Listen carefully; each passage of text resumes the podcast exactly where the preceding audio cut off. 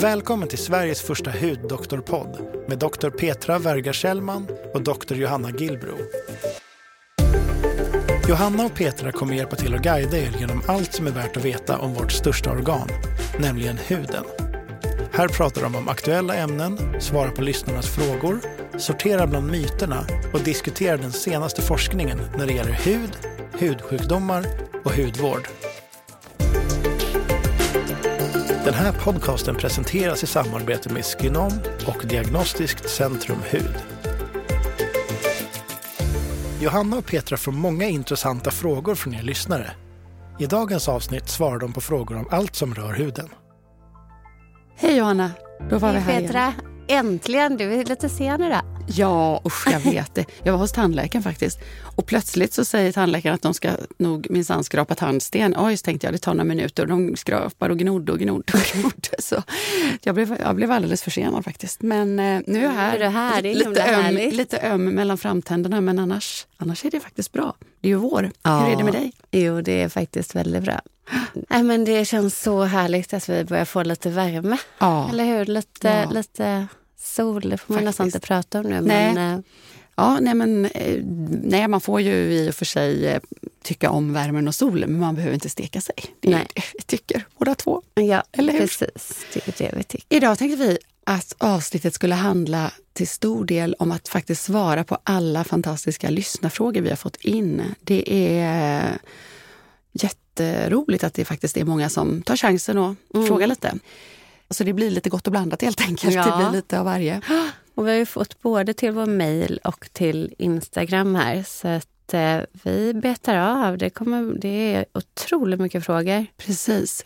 Och är, det har vi ju sagt tidigare att det är ju på ett sätt eh, lättare med frågor här. För ibland skickar ju en del just lite kanske personliga frågor på Insta som kan vara lite svåra att svara på på, på själva Instagram så att säga. Men vi Ja. lyfter dem gärna här Ja, och riktar in frågeställningar här. Men eh, rena liksom, medicinska frågor som rör någon enskild individ kan ju ibland vara lite svårt att svara på tyvärr. ja på Instagram. Det är så ofta så att jag kan tycka att jag förstår att man skriver och många, ja, kan, man kan ana folks liksom, desperation bakom. Men det är ofta så svårt för jag känner många att jag skulle behöva, behöver ändå, även om någon skickar en bild eller så, så behöver man mer information. Mm. Ja. Hur länge, hur var och hur kliar, hur är det i övrigt? Alltså det, är så, Mm. det, är så, det är väldigt svårt att, att sköta så konsultationer på, på Instagram. Så att, eh, men vi gör vårt bästa för att svara på frågor här i alla fall. Ja.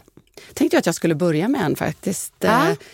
Den frågan är nästan mest riktad till dig Johanna. Och vi blir jätteglada när någon skriver tack för alla intressanta poddavsnitt. Det är ju, det är det är superkul. Woho!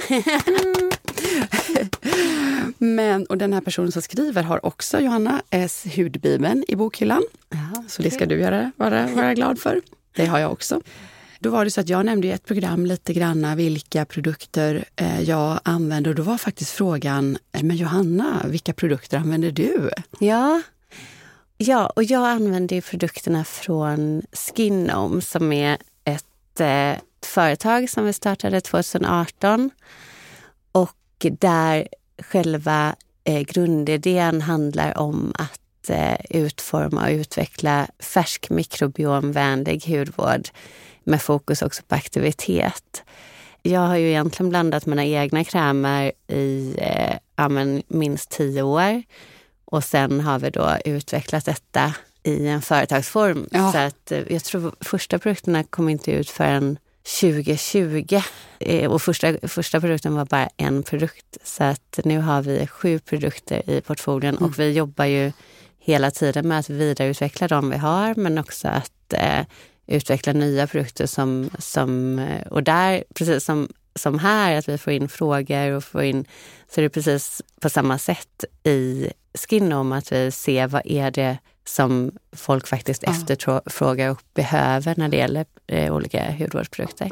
Det här är ju jättespännande. Nu fick jag ju två frågor i huvudet direkt. Ja. Ja, när du säger du har blandat dina egna krämer i tio år. Berätta lite mer om det. Vad har du Vad, vad jag, hemma Ja. på kammaren? Eller nej, nej. Nej, faktiskt inte, inte hemma i kammaren. För där, eh, utan jag har gjort det på ett labb. Jag har ju jobbat på... Och då har du, men det är sådana du inte har sålt då, utan bara Ja, liksom... Alltså jag ah. har gett till vänner och familj Ah. har jag gjort eh, under lång tid. Och sen Coolt. Och sen så har jag använt både mm. det ena och det andra. Mm. Mm. Och det är ju så här att folk tänker ibland kanske, det står ju faktiskt här i frågan också, förstår att ni inte kan, får nämna specifika produkter. Men det får vi ju faktiskt göra, för vi är ju faktiskt helt oberoende. Vi är ja. inte sponsrade av någon eller något. Det kan man ju faktiskt vara bra att känna till. Ja. Och Eh, således, än så länge i alla fall, så har vi, vi fullt fria att och tycka och tänka vad vi vill ja. om precis vilka produkter som helst. Ja, verkligen. Faktiskt. Så det här, våra liksom, det vi använder eller det vi nämner, det, det är sånt vi nämner för att vi faktiskt tycker att det är bra. Ja, absolut. Vi vill ju också vara helt oberoende, så vi har ju fått vissa förfrågningar om sponsorskap och så, men eh, det blir ju enklare om vi kan vara helt, helt neutrala. Ja. Mm. Yes. Och där kan man nämna, jag såg i mejlinboxen att vi har fått mycket frågor om SPF. Ah. Och här kan vi ju nämna ett par olika företag som vi, som vi tycker kan vara bra att använda nu från maj kanske. Men vi kommer till de frågorna. Mm, mm, det kan vi göra sen. Men när det gäller de här skin home då, som du nämnde, var, var hittar man dem då? Var får man tag på dem? Jag vet ju det till viss del, men våra lyssnare kanske inte vet det. Ja, gud nu känner jag att jag gör reklam däremot, men då finns det nu på nätet. Mm. Eh, i och med att det är färsktillverkat så kan vi inte ha det ute i handeln. Nej, så att eh, det kyls ju, allting kyls i, direkt efter produktion och fraktas in i ett kylrum. Och sen skeppas det direkt till kund. Det är just därför vi har den här liksom, logistiklösningen. Så att det är www.skinome.com.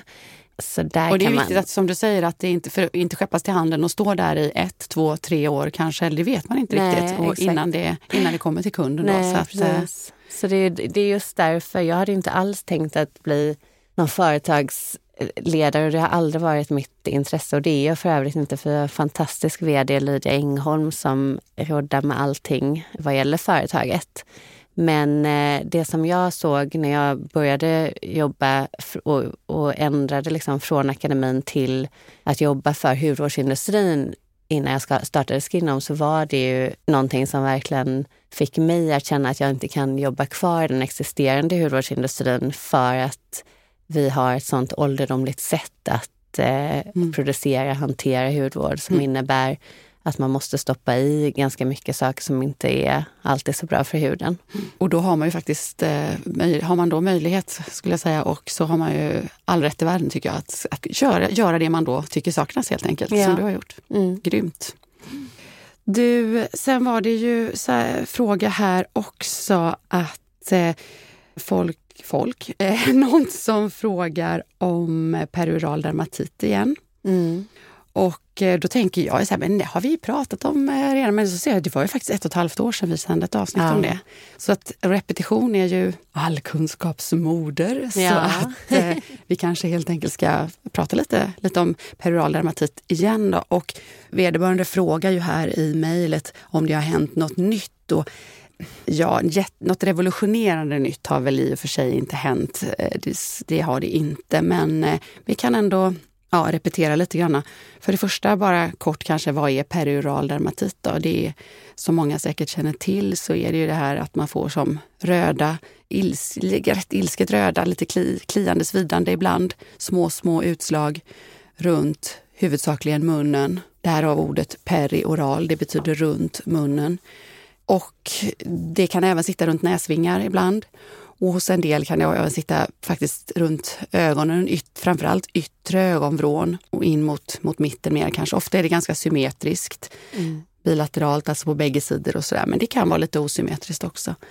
Utslagen är ju många gånger rätt så Alltså, ilskna kanske, de är inte så himla stora men de, de är ju eh, svider och kliar många gånger och framförallt så ser de ju rätt så ja, bedrövliga ut, tycker många. Och eh, försöker man då kanske behandla ibland med olika, en del tror att det är finnar, det är ju mm. det som är grejen. Mm. Och så försöker man behandla kanske med olika starka akneprodukter eller någonting och då blir det ju mm. genast 77 resor värre. Mm. Så här gäller det ju egentligen att få en diagnos så att man kanske vet vad man har och sen få en rätt behandling. Då. Ja, och där kan vi också säga som vi pratade om sist att verkligen undvika kortison, för det kanske är det första som många... Dels har vi ju fått den typen av kommentarer att när man går till en, en läkare på vårdcentralen som kanske inte riktigt heller vet vad det är för all, normalt sett på ett eksem och det kan, ju, det kan ju se lite liknande ut. Det kan det faktiskt göra, för det kan bli torrt och fnasigt emellan. Ja. Särskilt om patienten i fråga då har kanske försökt behandla själv lite först med något uttorkande eller så. Mm. Så det kan, det kan vara svårt att skilja. Ja.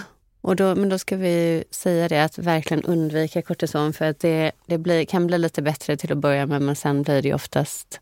Sju resor värre. Mm. Ja. Mm. Och det är framför allt är det ju så, det är de receptbelagda kortisonerna som är väl med, liksom skar, skar, eller ja, kan ställa till det. Mm. Eh, receptfritt ställer sällan till det, men det gör kanske inte så mycket bättre heller. Liksom. Men det, det, det brukar inte vara något farligt i alla fall att eh, pröva det. Eller, och det brukar inte heller vara tillräckligt för att utlösa de här tillstånden Mm. som ja, perioral dermatit eller rosacea som en variant. Så att, eh, Men jag måste fråga dig, för jag, jag tycker att jag upplever att perioral dermatit ökar.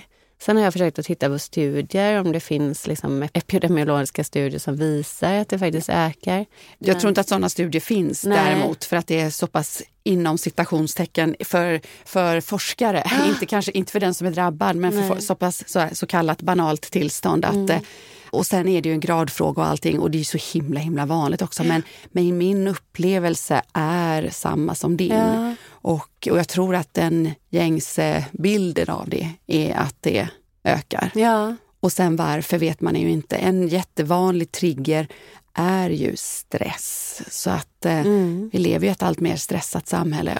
Och även att vi kanske håller på mycket med huden och Mm. Använder olika produkter. Och din, din, det, du, det du brukar prata om att man ska undvika 13-stegs... Eh, Ja.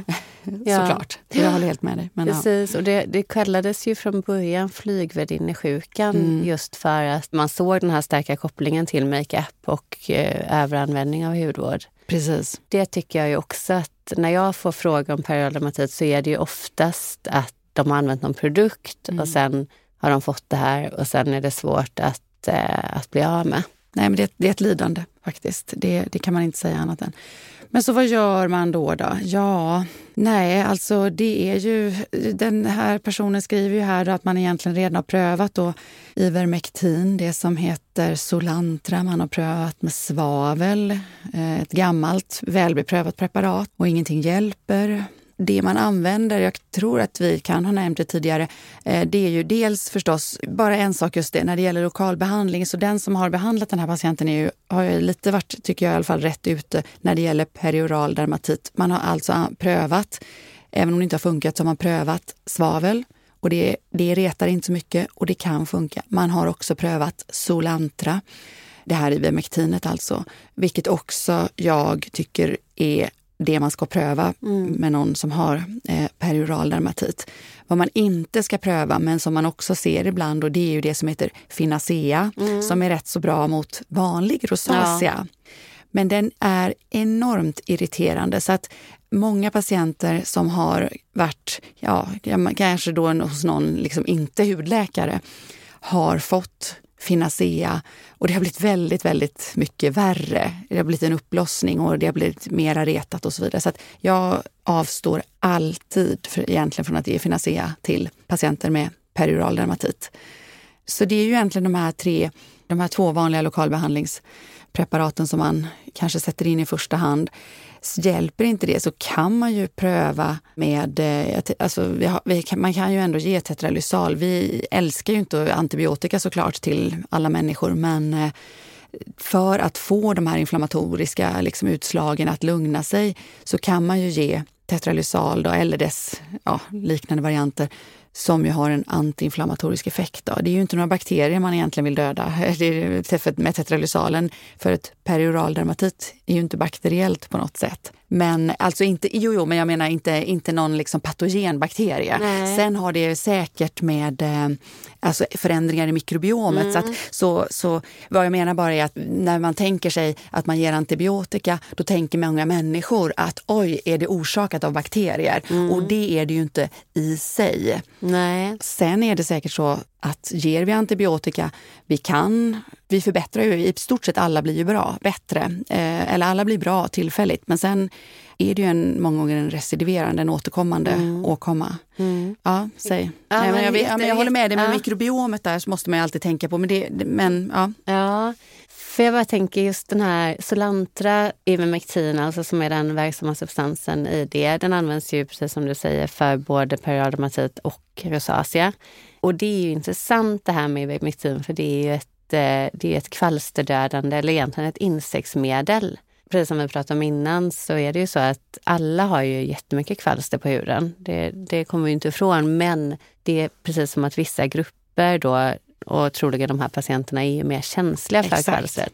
Och sen tror man ju, det här låter så himla... Jag tycker när man berättar det här för folk så det låter ju så äckligt. Men eh, det är en, en teori det är att man blir, är känslig för de här kvalsterna som börjar in sig i huden och där lägger de ju faktiskt sin avföring. Och det kan ju också skapa en inflammation.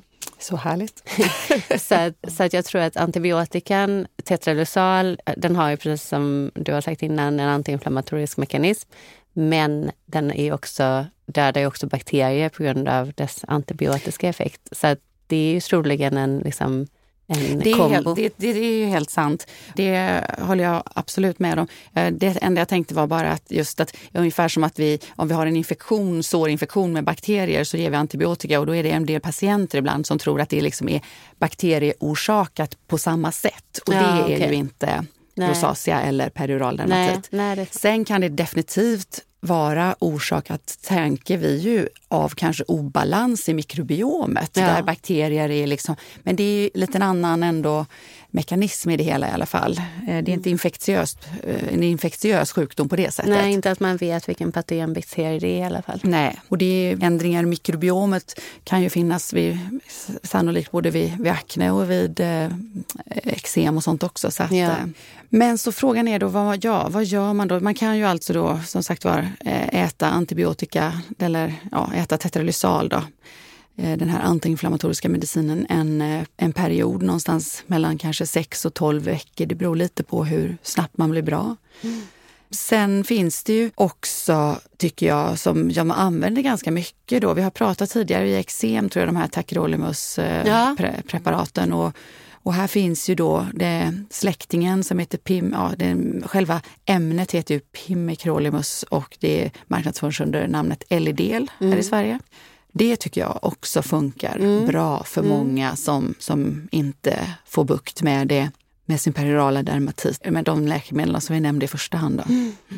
Men det är värt att testa det, det helt enkelt. Så den här eh, personen har ju då precis testat eh, Ivermectin, alltså Solantra och eh, svavel. Men då finns det alltså tetralosal, antibiotika och LDL. Det är väl mm. jättebra tips. Ja, precis. Och särskilt LDL om man nu då tycker att antibiotika är lite liksom läskigt onödigt så, eh, så är ju mm. LDL faktiskt bara ett lokalbehandlingspreparat, alltså en kräm man smörjer på ja. de områdena där man har besvär. Då, så. Ja. Mm. Och sen kan jag ju säga där också att det är svårt att, att, komma till bukt med så att försök att inte irritera huden i onödan. Alltså skär ner på, jag skulle säga alla hudvårdsprodukter och använd om man behöver en mjukgörande kräm så använd en kräm som är så minimalistisk mm. uppbyggd som, som det bara går. Håller helt med. Kanske med några lugnande ämnen i också? Ja, absolut. Ja, då har vi fått ett eh, annat mejl här från en tjej som eh, skriver Hej, tack för en jättebra podd. Vi så... blir så glada. blir så glada. Googlade rosacea-podd och kom fram till er podd. Har lyssnat på de två första avsnitten idag då jag har haft ett rosacea-skov nu och undrar vad jag ska göra. Jag vet att sol, alkohol och stark mat triggar. Jag undviker det. Jag smörjer med Solantra. Ni tipsade om rengöringsprodukter, krämer som är bra, men det är en djungel med produkter och jag har svårt att hitta. Jag förstår att ni inte kan rekommendera några produkter i podden på grund av reklam. Fast det kan vi. Ja, det kan vi. Men ja, precis, jag skulle veta specifika produkter. Och så vill hon också veta om SPF. Hon undrar vilken SPF eh, som vi kan rekommendera. Eh, Vad säger vi där då? Du tänker hudvårdsprodukter i första hand, kanske vi pratar fuktkrämer och sådant också då? Ja, precis. Och då är det ju väldigt minimalistiska produkter som man ska använda och också att eh, inte liksom applicera så mycket. Jag brukar säga att det, det som man ska tänka på när man köper en kräm det är ju att den ska vara bra för huden. Det är krämer som utformas idag enligt traditionellt sätt, då handlar det väldigt mycket om att man tillsätter ämnen för produktens bästa. Alltså att, mm. att konservera produkten, att färgsätta produkten, att parfymera produkten och så vidare. Och alla de här ämnena, det är många som kan applicera dem utan att någonting händer, men det är inte någonting som tillför huden någonting. Och har man en känslig hud och också lider av till exempel rosacea eller peroral dermatit, då kan det ju det här verkligen det. trigga mm. och irritera. Så att Just det, hudvård ska inte... Nej, det var intressant. Just ämnena ska inte vara för produktens skull. Utan nej, för, nej, utan ja, det ska med. verkligen... På, på Skinom till exempel så har vi en, en väldigt minimalistisk approach. Där tillsätter vi bara det egentligen som måste vara, som måste vara där och mm. som, som är för, för hudens bästa. Och sen har vi ju två hudkrämer. En som är en rikare och en som är en, en eh, lättare, den som är lättare används ju för mer aknebenägen eller blandhy medan Rich Emulsion då används för mer torrare hud. Om man eh, pratar om andra märken så har ju faktiskt La Posay ja. utvecklat en, eh, en linje säga, som heter Tolerian. Ja, den tycker jag är väldigt bra. Ja. Jag säga. Den brukar jag rekommendera mm. till många patienter som eh, har ja, känslig hud och så vidare. Ja. Och den kan jag faktiskt säga att jag använder den själv. Jag, jag är torr i huden mm. för att eh, vissa delar på året, jag har ju som jag tidigare nämnt, har jag ju liksom hudvårdsprodukter med lite så här retinol och grejs ja. i. Men ja. eh, den är ju inte så rich. Så att eh, behöver man så, nej, men torrare så tycker jag att jag, då, då tar jag ett lager av den utanpå. Tror du det? Då har jag tänkt så här ibland, undrar om det kan förstöra de aktiva ingredienserna i min, eh, min, eh, min, min anti-aging-kräm? Nej, men det tror jag inte. Nej, men däremot så är ju frågan om, om din kräm där med anti-aging, retinol och sådär som, är, som hålls i rumstemperatur och oh, skeppas ja. Du halva... hur anti-age ja, jag är? Ser, det ser väldigt fräscht ut. Nej, jag, nej jag, jag har också tänkt på detta, Johanna. Jag har också tänkt på detta många gånger. Eh, och jag har dessutom ibland, eftersom den där krämen, ja, nu låter det som det är någon fantastisk, jag har bara råkat fastna för den. Och grejen är så här, ibland tänker jag kan nästan vara dumt att ge tips. För det som man själv använder ja. är inte säkert att det passar någon annan. Nej. Så därför så ibland så kan jag känna en sak samma. Nu råkar jag använda någon som jag har hittat som typ gick och köpa i Sverige innan som inte går att göra det nu. Och den så beställer jag och då beställer jag typ sex stycken från och så ligger de i mitt så skåp. har du dem i två år? Nej men ett i alla fall. Så ligger de i mitt skåp och, och ja, lite sådär i. Och sen så, ja, den sista har säkert legat ett, ett halvår eller något eller lite mer kanske innan jag öppnar den. Men eh, mm. jag ska tänka om. Men jag lär ju mig också på det här. Ja, annars är... du, jag, ska ta med, jag, har inte, jag ska ta med mig ett gäng hudvårdsprodukter till dig nästa gång. Ja. Det ska ja. jag göra. Ja. Ja, så minimalistiskt som möjligt. Det där mm. tror jag verkligen att det är jätteviktigt. Mm. Det, det är verkligen min starka övertygelse. Och sen med rosacea, det har vi som sagt flera avsnitt om. Mm. Men där kan vi bara repetera kanske en snabb repetition om behandlingsalternativ. Och det är ja, ganska lika. Det är ganska likt perurala dermatiten men några saker skiljer sig. Och medan jag då verkligen slår ett slag för Solantra eh, när det gäller perioral dermatit så är det ju inte mitt förstahandsval vid rosacea. Då däremot har ju Finacea en mm. väldigt bra effekt mm. som innehåller eh, acelinsyran som är lite som jag brukar säga, liksom A-vitaminliknande. Mm. Sådär. För den har god effekt, eh, tycker jag, många gånger på eh, just rosacea. Men annars är ju stegen också där då mycket rosacea eller sån rosacea som inte svarar på till exempel Finacea eller Rosex för all del kan ju också användas. Eh, det är också en antibiotikakräm då, men, men jag föredrar Finacea. Eh, men där kan man ju också, så då, då, blir ju, om det inte funkar så blir ju även där nästa steg att använda tetralysal egentligen. Ja. Då är vi där igen. Va? Så att, det är ju lite intressant för vi har ju, nu har ju, du och jag pratar ju om antibiotika med jämna mellanrum och, och ingen av oss gillar ju antibiotika. Du ännu mindre än mig. Mm. jag gillar det inte heller. Jag ser bara att ibland har inget val. Liksom. Man, man patient, alltså, så som, vi har inte så mycket annat att erbjuda i nuläget. Så att, jag tänker bara på akne där som är ju en sjukdom där man också använder mycket av tetralysal mm. egentligen. Där sa man ju för några år sedan att man ville minska på antibiotikaanvändandet och istället gå över till isotretinoin, då, det mm. som heter Roacutan. Mm. Så att man ska vara mycket snabbare med att välja isotretinoin om inte antibiotika funkar. Då. Lite, lite åt det hållet har man börjat tänka med eh, rosacea också. Att en del patienter går ju liksom år ut och år in nästan på mm. tetralysal för att annars så, mm. så eh, ja, återfall och liksom det är fritt i kanske två veckor och så börjar det om. Mm. Så är det ju inte för alla som tur är. Men för de patienterna då kan ju isotretinoin vara ett alternativ faktiskt. Att man kan ge lågdoserat. Det funkar inte på alla, men det, det kan funka på en del i alla fall. Så att man har försökt nog, eller börjar mer och mer att väva in det i, i behandlingen för, även för rosacea faktiskt. Men det, men det gud vad, jag tycker det låter lite konstigt för retinol till exempel, alltså det där kan ju många gånger trigga rosacea. Ja, men jag tror att det funkar helt enkelt annorlunda kanske om man eh, äter, äter det alltså än om man smörjer på det. För det blir ju väldigt retande när man smörjer på ja. det. Men det blir ju, huden hos de som äter det blir ju väldigt torr men inte de blir, de blir inte torra så akut och på samma sätt som när man smörjer någonting. Nej. Och plus att du har en lägre dos än vid aknebehandling. Så att, eh, men det är ju precis, alltså det, är ju så, det funkar ju faktiskt inte på alla. Så att, men det, det finns som ett, ett alternativ att mm. pröva mm. Om, om det andra ja, inte funkar eller om det är bara kur efter kur efter kur ja. med tetralysal och man vill liksom pröva någonting annat. Då, så att, eh, Däremot tycker jag inte att om man säger LED eller som vi nämnde vid peroral dermatiten och sånt är lika bra heller vid rosacea. Så att, så att de skiljer sig lite. Så om, vi pratar, om vi pratar lokalbehandling så är det ju så här liksom de stora vad säger, huvudriktningarna är väl att vid rosacea så kör man Finacea, kör jag Finacea och många mm. med mig. Och vid perioral dermatit är det mera kanske då Solantran mm. som man slänger på direkt. Även om indikationen den liksom mm. för Solantra egentligen är vanlig rosacea så är det det här, det vore vår liksom samlade kliniska erfarenhet att, mm. att det här är bättre. Mm. Ja. Men eh, jag tänker, för det var väl en fråga om SPF också. Det är ju viktigt med tanke på dels att det börjar bli vår, men dels också att just de här patienterna, rosacea-patienterna, har ju stor, stor anledning att skydda sig mot solen. Ja för att inte förvärra sin Nej, precis. grundåkomma. Det, vad säger vi om SPF till, till patienterna med rosacea? Och...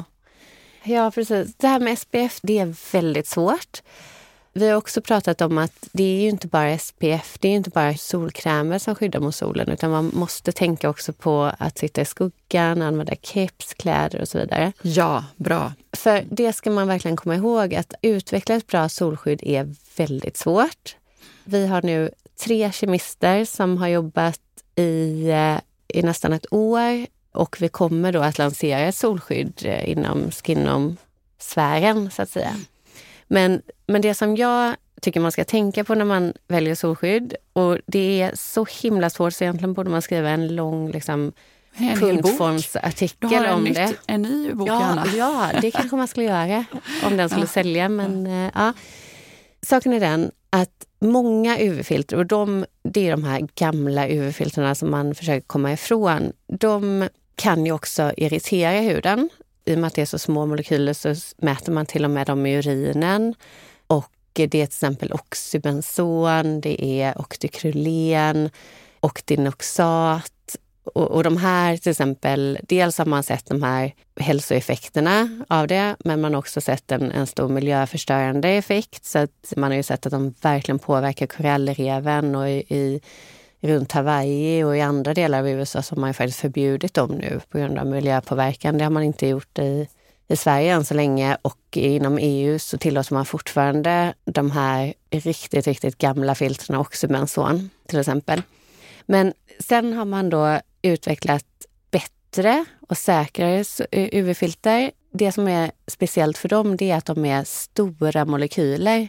Så att de kan inte, de, de lägger sig bara på hudytan. Och det har vi pratat om när det kommer till exempel till andra aktiva substanser som hyaluronsyra till exempel, då vill man ju inte att de bara ska ligga där på huden utan man vill ju faktiskt att de ska komma en bit in, ja. in i huden. Men UV-filter, de ska ju bara Mm. ligga på ytan. De ska ju absolut inte komma in i huden. Det, Men då blir de stora, och, stora tjocka molekyler som syns i vit, så blir det vit, vita krämer väl? Eller? Nej, inte alltid. inte. Nej, nej. inte om det. är- Så det finns ju två sorter av UV-filter också. Så det är antingen kemiska, eller de kallas också Mm. oorganiska, Mm. eller så är det fysikaliska och det, de kallas också mineralfilter. Och det är mineralfilterna eller de fysikaliska filterna som heter då titaniumdioxid och zinkoxid och de blir man vit av. Ja, det är därför man gör nanopartiklar av dem. då gör man Ja, nano.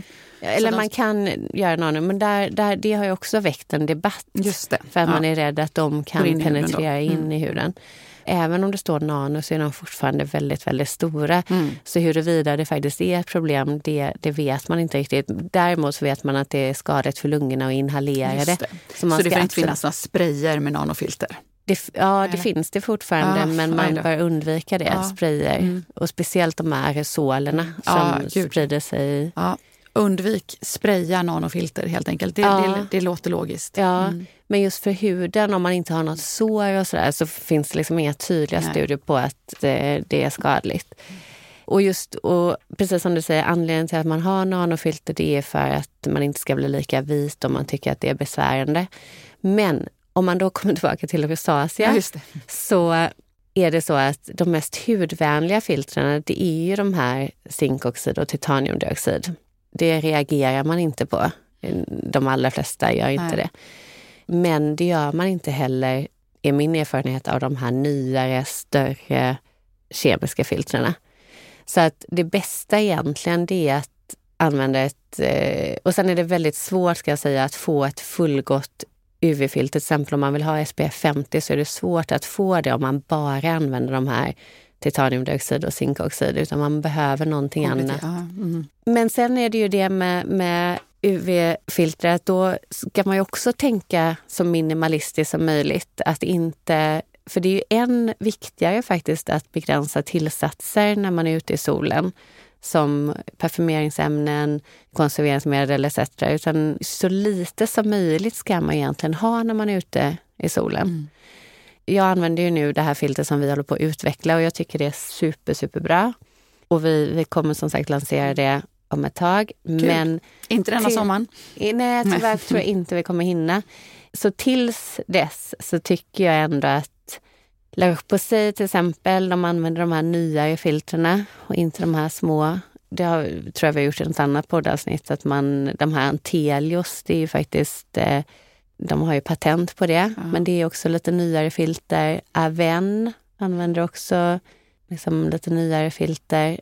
Men jag tycker ändå man ska välja ett, eh, ett företag som har lång erfarenhet av, för just med solskydd, det är ju jätte, jättesvårt. Eucerin. väl- Ja, eucerin, där har jag upplevelsen av att man, för det, det är också en grej med solskydd att man får ju lätt finnar av det. För att Ah, eh, just när mm. man ska lösa de här UV-filtrerna så behöver du så mycket olja och du behöver det. väldigt polära oljor. Mm, mm, mm. Och det kan man reagera på om man har en aknebenägen Mm. hud. För det är ju många som har som problem. Att, det blir, att man får finnar när man Ja. använder. Ja. Exakt. Och det kommer man inte undan vilket filter man än använder. Eller, eller är det bättre med de här nyare filtrerna som du nämnde i La Roche-Posays produkter? Ja, jag tycker nog det. Ja. Ja, med detta sagt om solskydd som ju är väldigt komplicerat Ja. faktiskt. Så eh, tror jag att vi, eh, för vi måste säga tack och hej idag. Ja, och nästa, jag tror att nästa avsnitt kanske vi ska också, för det, vi har ju så mycket Ja. frågor, vi har bara kommit några få. Alltså jag vet inte om vi, jättegärna feedback på det Ja. om vi håller på att svamla för mycket, för att vi har ju inte hunnit med så många. Nej, men, vi tar ett avsnitt till faktiskt Ja. om frågor, för det är, ju, ja, men det är ju ändå sånt som rör alla. Så att, eh, det gör vi tycker jag. Ett till frågeavsnitt. Och sen ja, kommer vi med nya tag. Ja, det gör vi. Ja, men tusen tack alla som har lyssnat. Ja, verkligen. Och tack för alla sådana frågor här. Det är helt fantastiskt att Mm. ni är så himla engagerade.